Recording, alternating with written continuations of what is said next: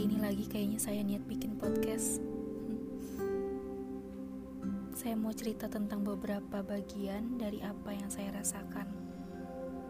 Bukan bermaksud biar banyak orang yang tahu dan iba kepada saya, tapi lebih ke random aja sih sebenarnya. Karena kayak selintas aja gitu saya pengen ngomong apa.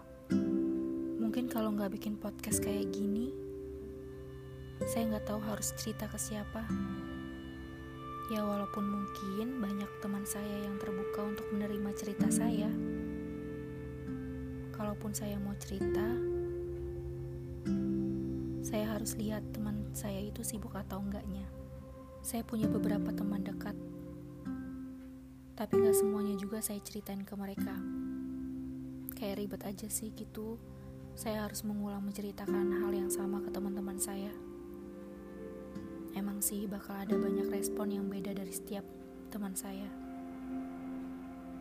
Kalaupun saya cerita, saya tahu sikap mereka masing-masing. Ada teman saya yang sibuk tapi masih sempat balas, walaupun telat sehari dua hari. Ada yang benar-benar sibuk dan balasnya bisa dua minggu. Atau sama sekali saya nggak bisa tahu kapan dia bisa balas. Ada yang balasnya cepat, tapi jawabannya benar-benar gak sesuai sama saya. Benar-benar gak sesuai sama harapan saya. Benar-benar bukan jawaban yang harus dilontarkan. Namun, ada juga teman saya yang balasnya cepat dan sesuai harapan saya. Buat ngasih tahu ke saya hal-hal yang baik dan buruk.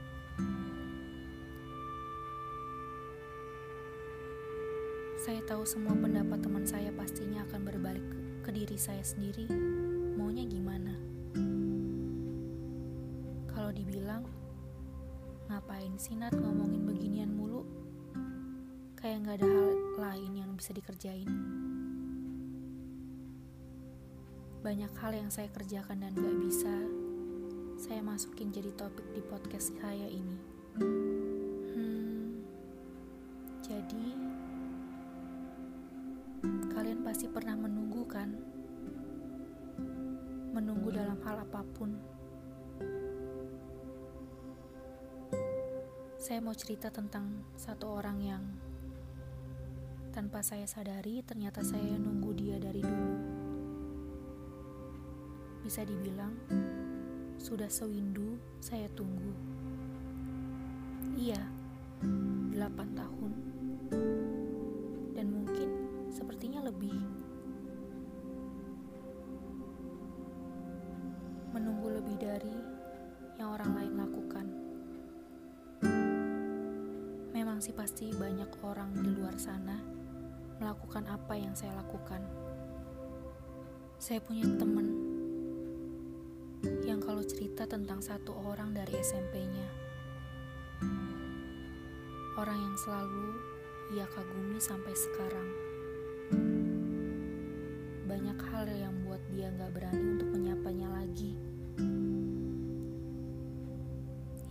Sih yang gak saya tahu dan dan saya cuma tahu sekilasnya. Lalu berbeda dengan teman saya yang lainnya, salah satu teman saya bilang kalau waktu itu dia sudah capek menunggu selama dua tahun.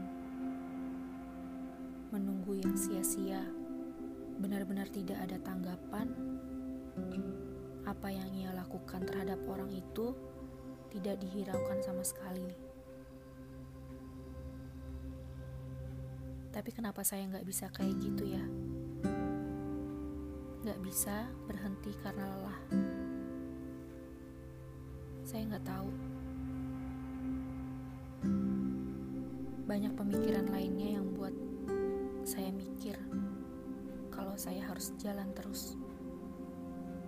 Walaupun mungkin seribu orang bilang saya harus berhenti, namun saya nggak mau. Seperti pelari yang terus berusaha berlatih, kemudian beristirahat sebentar dan melanjutkannya.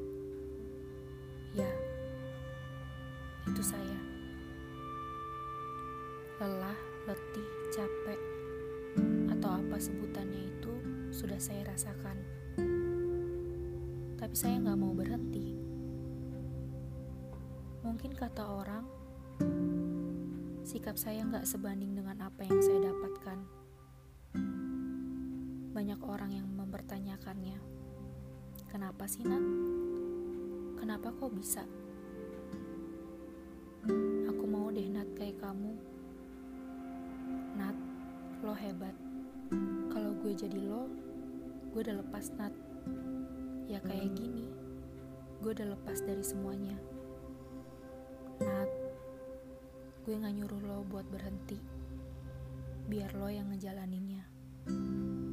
Banyak kata yang dilontarkan oleh teman-teman saya Cara bertahan seseorang berbeda-beda, dengan waktu yang berbeda pula. Kalau bisa dibilang, dari dulu saya sangat jarang merasakan seperti siapa yang saya harapkan dapat berbalik kepada saya.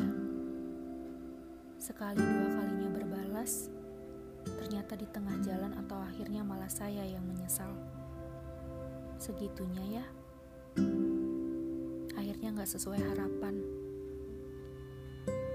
Dan pada akhirnya, saya hanya suka dengan beberapa orang yang silih berganti.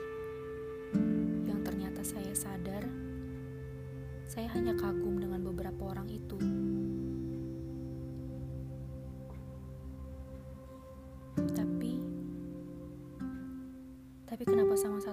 Saya bertingkah seakan-akan di dunia tinggal kami berdua? Kenapa pada akhirnya saya berbalik kepadanya? Saya percaya semua yang terjadi memang belum dan sudah waktunya. Setiap saya melakukan obrolan yang sekiranya serius dengan teman-teman dekat saya mengenai kisah percintaan masing-masing, bisa dibilang nama dia selalu saya sebutkan dalam cerita saya. Cerita singkat cerita yang ternyata saya tahu kalau waktu itu saya terlalu berharap sebelum semuanya dimulai. Tanpa saya sadari, ulang tahunnya selalu saya ingat, mengingatkan saya pada kejadian pada tahun. Perasaan yang masih tertinggal di sana. Percakapan kami selalu terjadi hanya satu hari hanya sebatas basa-basi semata. Saya selalu ingat akan hal itu. Kalian tahu, sekarang ia kembali. Tidak ada yang direncanakan, tidak ada persiapan. Waktu itu, perasaan antara senang dan sedih. Sedih karena ketika ia kembali, sedang ada orang lain bersamanya. Waktu itu, saya di antara masih berharap dan tidak.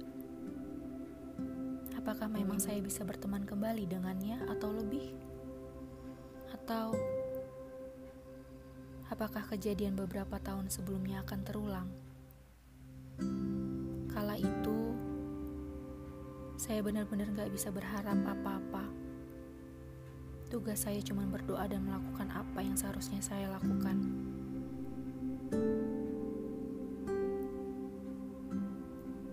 Seberjalannya waktu, saya nggak nyangka ternyata saya masih baik-baik aja sama dia. Ya memang dari selalu senang kemudian tiba-tiba bertengkar, kemudian kembali lagi. nyata dan abstrak, kabur dan jelas, serius dan bergurau, paham dan tidak paham, runtut dan acak, perasaan dan logika, senang dan sedih, sabar dan amarah, acuh dan tak acuh, memaafkan dan mengutuk, kayalan dan kenyataan kekurangan dan kelebihan. Mungkin satu buku tidak cukup untuk menjabarkannya. Bermula dari cerita perilaku hal yang paling nyata dan jelas, berujung dengan hal yang paling abstrak yang pernah dilontarkan masing-masingnya. Begitu seterusnya. Seperti dengan sengaja dan percaya diri, kami menirukan perilaku orang lain saya rasa urat malu kami sudah putus, mungkin sudah hilang. Kayalan tidak jauh daripada kami. Bisa-bisanya kepikiran kayak gitu. Pertanyaan yang sering membuat kami menjadi heran. Saya pernah bertanya padanya, mengapa warna pelangi harus sesuai gradien? Mengapa tidak berwarna lebih acak? Semua disampaikan dari yang mudah dipahami sampai tidak dipahami oleh salah satu atau keduanya. Kata orang, manusia punya seribu satu alasan. Seribu satu cerita yang belum tentu dimengerti banyak orang. Kayak antara senang dan sedihnya saya selalu dapatkan. Kadang saya merasa kalau saya itu saya memilikinya. Kadang juga saya merasa hanya sebatas teman. Dan yang lebih parah, kadang saya merasa kalau saya bukan siapa-siapa. Seperti orang asing yang baru kenal. Orang asing yang tidak tahu mengenai dunia di luar sana ada masalah sedikit saja, pikiran saya tidak bisa jernih. Pasti ada yang salah, pasti ada yang gak beres. Banyak pertanyaan yang timbul. Saya mencoba untuk bersikap tidak peduli, namun diri saya sendiri tidak bisa melakukannya. Saya gak marah. Saya bersyukur bisa merasakan semuanya itu. Saya nggak mau memaksakan dia untuk membalas saya. Saya nggak membiarkan mengalir gitu aja, tapi lebih ke saya tahu saya harus melakukan apa. Tapi kadang saya mikir, saya jahat gak sih? Saya egois gak sih? Memikirkan diri sendiri, Mungkin terkadang saya berpikir hanya untuk kebahagiaan diri sendiri.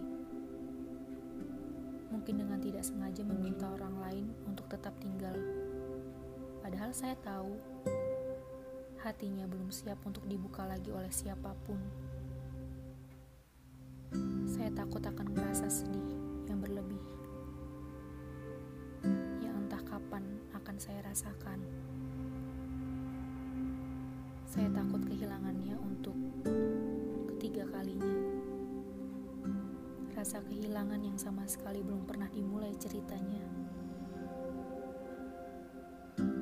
Terlalu banyak rencana yang kami siapkan ketika kami sudah lulus maupun sudah berpenghasilan masing-masing.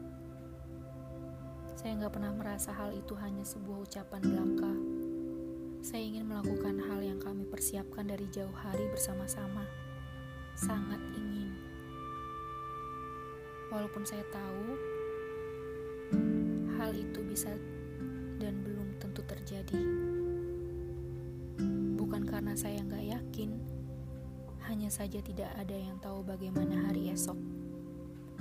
Saya nggak tahu kondisi saya seperti apa ke depannya, saya juga nggak tahu kondisi dia seperti apa nanti. Saya hanya tetap berusaha dan mendoakan.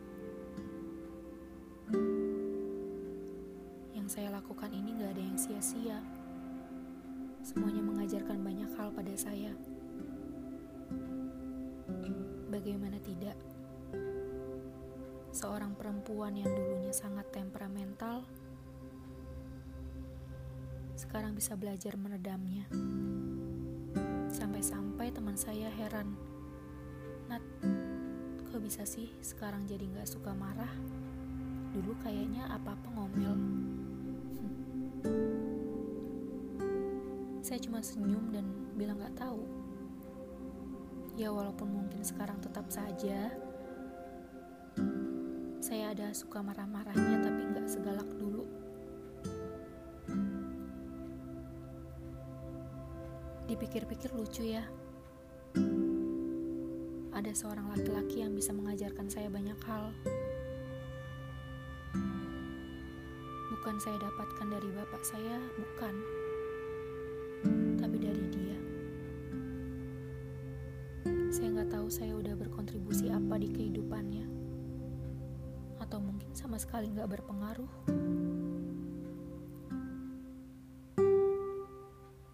Saat ini, saya bukan kehilangan diri saya.